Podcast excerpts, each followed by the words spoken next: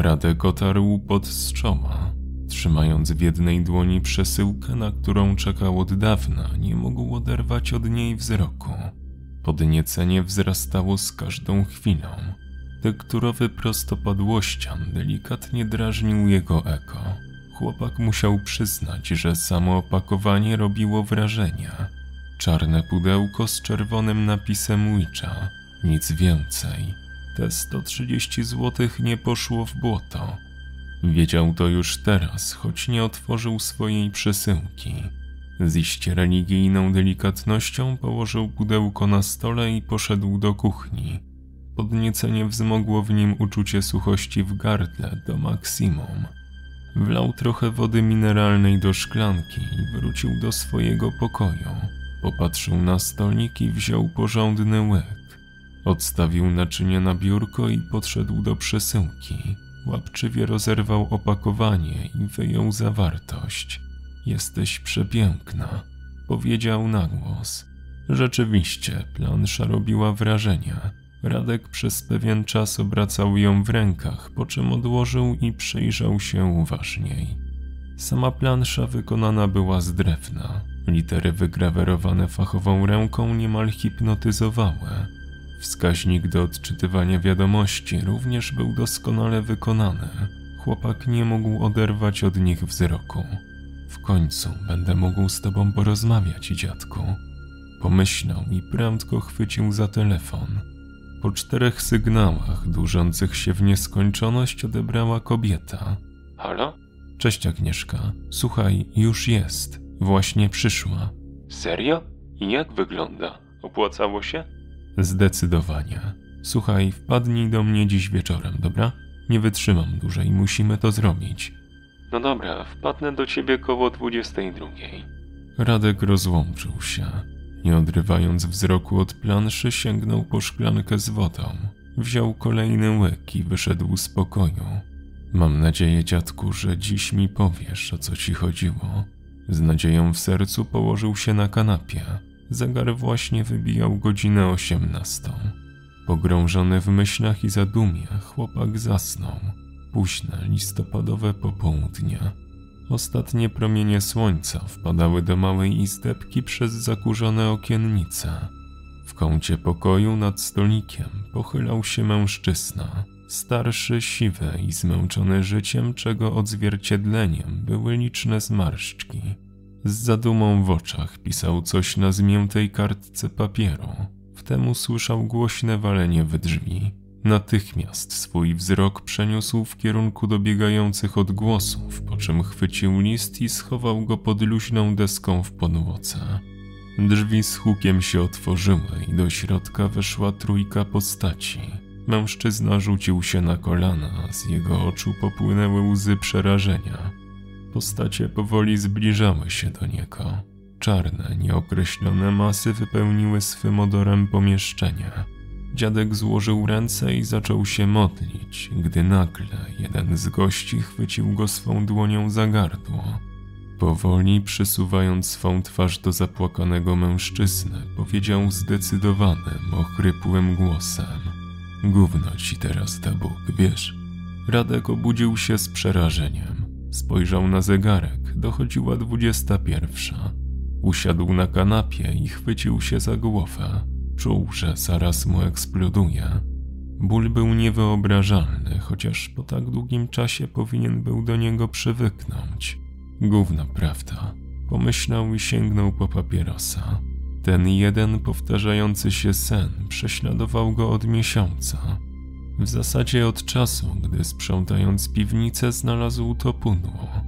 Niczym nie wyróżniające się tekturowe opakowanie wypełnione jakimiś gratami. Pośród starych, zużytych ubrań i zabawek z dzieciństwa chłopak znalazł jednak coś, co miało odmienić jego życie. Przynajmniej tak mu się zdawało. Na samym dnie pudła znalazł bowiem starą, lekko zapleśniałą kopertówkę. W dawniejszych czasach były one dość powszechne. Służyły do przechowywania korespondencji, kartek pocztowych czy tego typu śmieci. Radek otworzył ją i zaczął przeglądać zawartość. Tak jak się spodziewał, nie znalazł nic ciekawego. Mnóstwo kartek z wakacji, mniejszych karteczek zapisanych jakimiś adresami czy akty chrztu lub komunii. Zniechęcony już miał rzucić kopertówkę do pudła, gdy w jego oczy rzuciła się pożółkła kartka. Otworzył ją i zaczął czytać. Okazało się, że to list. Datowany był na rok 1943. Ten sam list, który teraz leżał na nocnym stoliku. Radek zaciągnął się papierosem i zgasił go w popielniczce. Sięgnął po pożółkły papier i raz jeszcze przeczytał. Kochani, ja, Eugeniusz Wośniak, chciałem przekazać swoją ostatnią wolę. Czuję, że dziś nadejdzie mój koniec. Jestem już stary i boję się, że nie doczekam dnia jutrzejszego. Piszę do was, ponieważ muszę wam o czymś powiedzieć. Coś, o czym wiem tylko ja. Proszę, potraktujcie to jako moją spowiedź. Bóg widzi, kim jestem. To On mnie osądzi. Chcę jednak, abyście wiedzieli, że to, co było kiedyś, tkwi we mnie wciąż. Grzechy z przeszłości wbiły się w me serce niczym ciernie, a każda próba ich usunięcia kończy się jeszcze większym bólem. Drogi mojego żywota zostały poprowadzone, a ja właśnie stoję u ich kresu.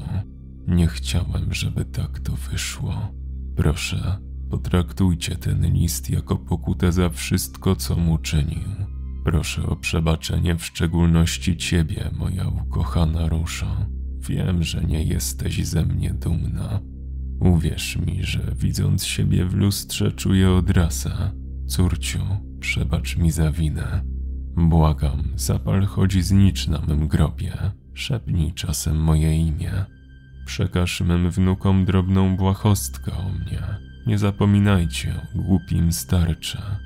Codziennie się modlę o Twoje zdrowie i Twą przyszłość. Daj Boże, abyś była silną matką i kochającą żoną. To napisałem ja, Eugeniusz Wośniak, lat 64. Niech Bóg ma was w swej opiece. Chłopak nie potrafił ukryć łez. Odłożył list na stolik i rozpłakał się rzewnymi łzami. Nigdy nie widział dziadka. Ba, nigdy nawet nie był na jego grobie. Matka skutecznie utrzymywała go z dala od jakichkolwiek informacji o Eugeniuszu. Każda próba rozmowy o nim kończyła się fiaskiem. Róża milczała na ten temat jak grób.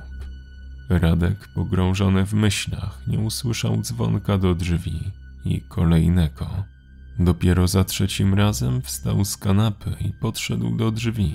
Spojrzał przez Judasza i dostrzegł Agnieszkę. Pospiesznie otworzył drzwi i wpuścił swego gościa do środka. No już myślałam, że nie macie w domu, powiedziała figlarna blondynka, po czym przyjacielsko objęła chłopaka. Wybacz, dopiero co się obudziłem. Mam nadzieję, że nie przeszkadzam. Nie no, coś te, cieszę się, że jesteś. Radek wypuścił przyjaciółkę z objęć i zaprosił do środka. Agnieszka powiesiła kurtkę w korytarzu i rzuciła okiem na mieszkanie. Chryste, mógłbyś tu chociaż posprzątać. Serio, nie rozumiem cię, Radek. Masz takie piękne mieszkanie, centrum miasta. Płacisz za nie pewnie jakieś bajeczne sumy, a śmierdzi tu jak w śmietniku. Daj spokój, mam inne rzeczy na głowie. Chcesz coś do picia? Agnieszka pokiwała głową. Raz jeszcze rzuciła okiem na mieszkanie.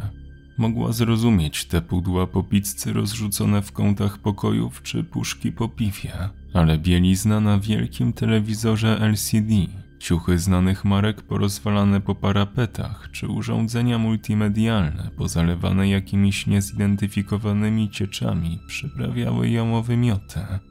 Radek poszedł do swojej sypialni, a dziewczyna przysiadła na skórzanej kanapie. Z obrzydzeniem odrzuciła bokserki Radka i westchnęła ciężko.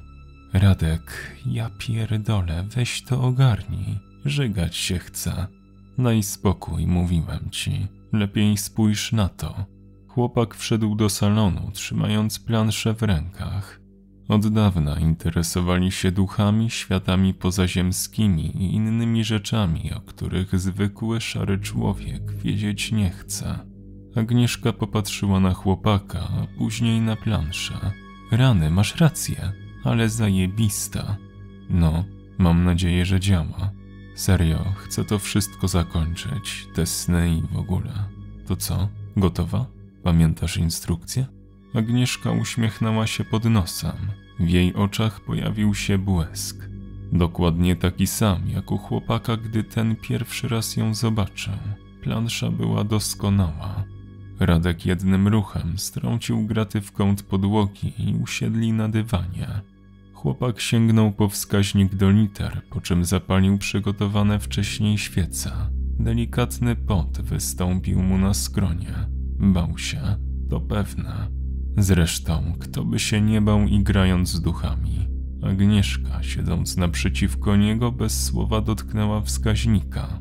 Radek zrobił to samo, po czym zapadła głucha cisza. Blask świecy rozświetlał delikatnie pokój, a ich płomyki tańczyły niczym liście na wietrze. Chłopak zamknął oczy i zaczęli rytuał. My, zebrani tutaj, przywołujemy do rozmowy ducha Eugeniusza Woźniaka, ojca Róży Woźniak i dziadka Radosława. Agnieszka uchyliła powiekę i kątem oka spojrzała na chłopaka. Radek poruszył się niespokojnie i po krótkiej chwili wznowił rytuał. Duchu, jeżeli jesteś z nami, daj nam jakiś znak lub porusz kieliszkiem i wskaż na tak. Cisza. Za oknem wezbrał wiatr. W pokoju panowała nieznośna cisza. Wskaźnik ani drgnął. Radek powtórzył ostatnie zdanie i czekał. Znowu nic. Otworzył oczy i spojrzał na Agnieszkę. Dziewczyna spokojnie siedziała naprzeciwko niego. Płomienie świec tańczyły jak szalone, jednak nic paranormalnego nie miało miejsca. Radek rozejrzał się po pokoju, gdy wtem dostrzegł czarną postać w lustrze. Z krzykiem wstał z podłogi i pobiegł do włącznika światła. Zdezorientowana dziewczyna spojrzała na niego. Co się stało? Zobaczyłeś coś? Tak, chyba tak. To znaczy, kurwa mać, to jakieś brednie. Chłopak wziął buta i rzucił w lustro, które rozprysło się na miliony małych kawałeczków. Radek, co się dzieje? Chłopak nie potrafił opanować nerwów. Cały roztrzęsiony poszedł do kuchni i wyjął z lodówki piwo. Otworzył je, po czym wypił je jednym chamstem. Agnieszka dołączyła do niego i ponownie zapytała: Radek, na rany Chrystusa, co się dzieje? Nic. Widziałem jakiś cień w lustrze. W tym samym, które rozbiłeś, tak? No a jak ci się wydaje, idiotko? Oczywiście, że w tym samym. Radek, uspokój się. Nie, to wszystko jakaś ściema. Po chuj znalazłem ten list, co on mi daje do szczęścia, a ty? Ty też jesteś mi niepotrzebna. Mam wszystko, czego potrzebuję. Pieniądze, niezłe mieszkanie, a ty nawet nie potrafisz się skupić, nawet raz. To przez ciebie ten rytuał nie wyszedł. Serio, mam cię dość. Wypieprzaj stąd. Radek, Wynocha, powiedziałem. Agnieszka czuła, że łzy napływają jej do oczu. Odwróciła się do chłopaka plecami i skierowała swe kroki do korytarza. Założyła kurtkę i przez łzy rzuciła. Nie dziwię się, że Julka cię zostawiła. Jesteś beznadziejna. Po czym trzasnęła drzwiami, zamykając je od zewnątrz. Chłopak sięgnął po kolejne piwo i przesiadł na kuchennym parapecie. Słowa przyjaciółki wwiercały mu się w głowę. Julka, też mi coś. Kolejna szmata bez honoru. Najpierw niby kocha, niby tęskni, a później co? Za niesubordynację należy się kara, bez względu na okoliczności. Poza tym uderzenie w twarz czy popchnięcie na ścianę to odruch bezwarunkowy, zwłaszcza jak jest się w szale, nie? Myśli krążyły wokół niego. Przeszłość zlewała się z teraźniejszością. Chłopak dokończył piwo, po czym wrócił do salonu. Spojrzał na roztrzaskane lustro. Cień. Pff, co za gówno. Po czym położył się na kanapie i zasnął. Sen tym razem był inny. Cały oblany potem spojrzał na zegarek. Czwarta trzydzieści trzy. Rozpłakał się. Co się ze mną dzieje? Pomyślał. Raz jeszcze wrócił myślami do snu. Chciał zapamiętać jak najwięcej szczegółów. Tym razem widział nie dziadka, a siebie. Właściwie to małego brzdąca leżącego w łóżeczku. Od razu rozpoznał w nim siebie. Jak przez mgłę pamiętał swój dawny pokój w czynszówce. Rodziców nie było stać na nic lepszego, jednak musiał przyznać, że to były najpiękniejsze lata jego życia. Mimo ubóstwa czuł coś, czego teraz zaznać nie mógł. Czuł, że był kochany. Lata jednak mijają, a on zmienił się zupełnie. Z radosnego niegdyś dziecka stał się żądnym i chciwym dupkiem. Tak, zdawał sobie z tego sprawę.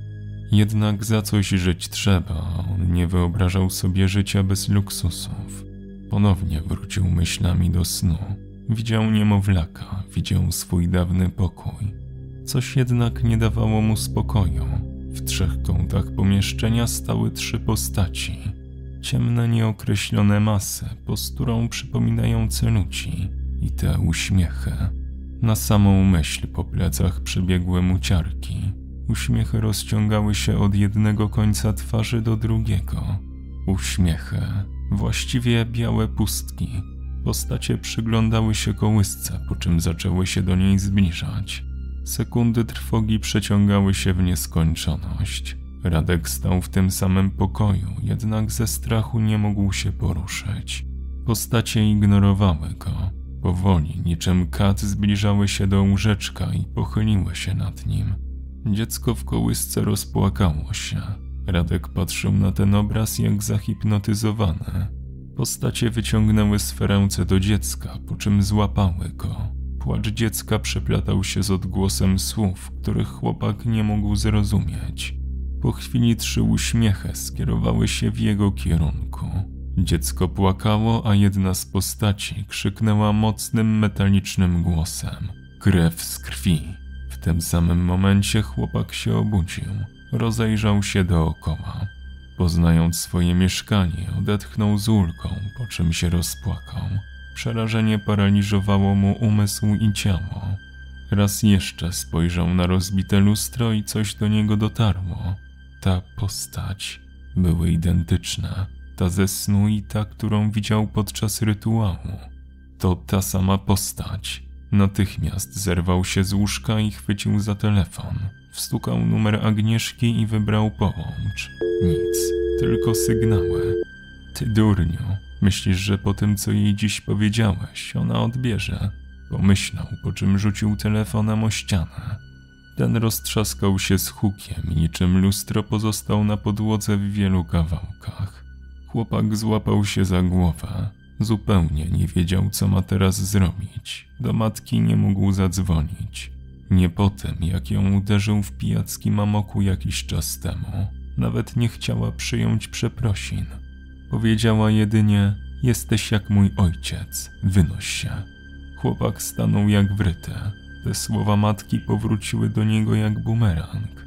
Jesteś jak mój ojciec, jesteś jak mój ojciec. Doznał olśnienia. Pędzie rzucił się do stolika, gdzie położył list. Trzęsącymi się dłońmi chwycił za kartkę i zaczął czytać.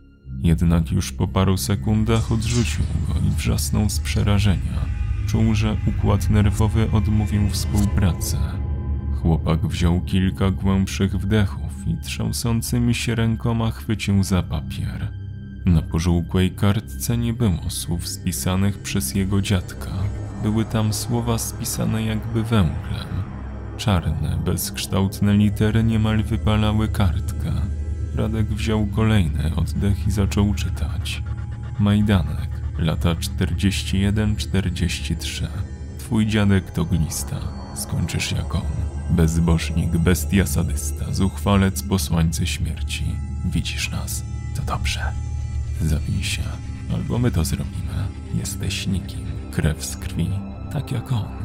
Radek czuł, że zaraz zemdleje. Ściskając kawałek papieru, rozejrzał się po mieszkaniu. Ciemność skutecznie spowiła wnętrze. Czuł jednak, że nie jest sam. Nagle dostrzegł w kącie pomieszczenia postać. Jeszcze jedną. Czego ode mnie chcecie? Wrzasnął. Postacie stały wciąż nieruchomo. Chłopak czuł, że ogarnia go szaleństwo. Chciał wstać z kanapy, jednak nogi odmawiały posłuszeństwa. Jego ciałem wstrząsnął dreszcz. Nie, to wszystko mi się wydaje, to nie jest prawdą, pomyślał. Zebrał w sobie wszystkie siły witalne i już chciał wybiec z mieszkania, gdy dostrzegł to. Dwa uśmiechy. Dwie cholernie białe pustki, które rozszarpywały wszechogarniającą ciemność niczym kły psa ludzką skórę. Za łzami przerażenia chłopak rozejrzał się po mieszkaniu. Dwa uśmiechy. We śnie były trzy postaci. Zaraz, co do...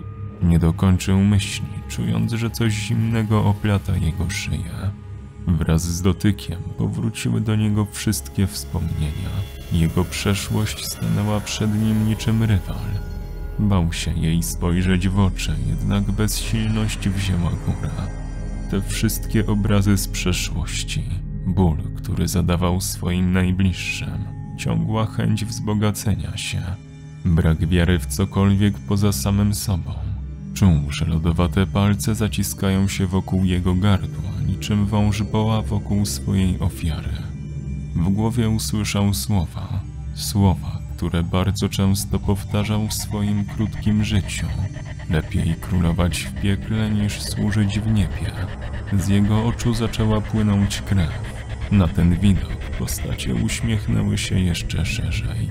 Powoli zaczęły się zbliżać do chłopaka, a on nie mógł nic zrobić. Czuł, że to koniec. W swej głowie wciąż słyszał głosy. Płacz matki i lamenty swoich byłych dziewczyn przeplatały się ze słowami. Bezbożnik, zuchwalec, bestia, krew z krwi. Harcząc zdołał wyszeptać. Kim wy jesteście? Postacie pochyliły się nad nim. Czuł odór grzechu. Widział nad sobą teraz trzy uśmiechy. Trzy twarze wpatrujące się w niego swoją głęboką nicością. Jesteśmy posłańcami śmierci. Zachłanność, bestialstwo, bezbożność. Chłopak czuł, że jego gałki oczne zaraz eksplodują. Krew wypływała z nich coraz obficiej. Tlen nie dochodził do komórek organizmu. Dusił się. Ostatnie słowa, jakie zdążył wypowiedzieć, to przepraszam. Agnieszka nie mogła oderwać od niego wzroku. Po tym telefonie w środku nocy musiała się dowiedzieć, co się z nim dzieje. Mimo wściekłości chciała się do niego dodzwonić, jednak ten nie odbierał. A teraz stała tu, w jego mieszkaniu, patrząc na jego bezwładne ciało. Nie zrobiło na niej to wrażenia. Wiedziała, że się dusił od wielu, wielu lat. Takie życie to tylko powolne czekanie na śmierć. Wzięła do ręki kartkę z nocnego stolika. Przeczytała pierwsze zdanie i wiedziała. Jego dziadek był bestią za życia, jego grzechy odziedziczył Radek. Odwracając się napięcie, jedynie westchnęła i szepnęła krew z krwi, po czym wyszła. Autor opowiadania Rymus czytał Kwadrotes. Patroni odcinka to Krzysztof Drozdowski, Kalusia, Syrenka Ladacznica, Brutal Drop, Jojo Moto, Arkadiusz Waszkiewicz, Wojti 262, Sebastian Król, Anna Rachowa, Michał Paszkiewicz, Gregory Kos, Laki Gusi, Jan Bartol, Roxana Dąbrowska, Karolina Mizgała, Mateusz Z, Reker.pl, Kapi YouTube, Misiaczkowa, Daniel A oraz Fra Martin. Do usłyszenia.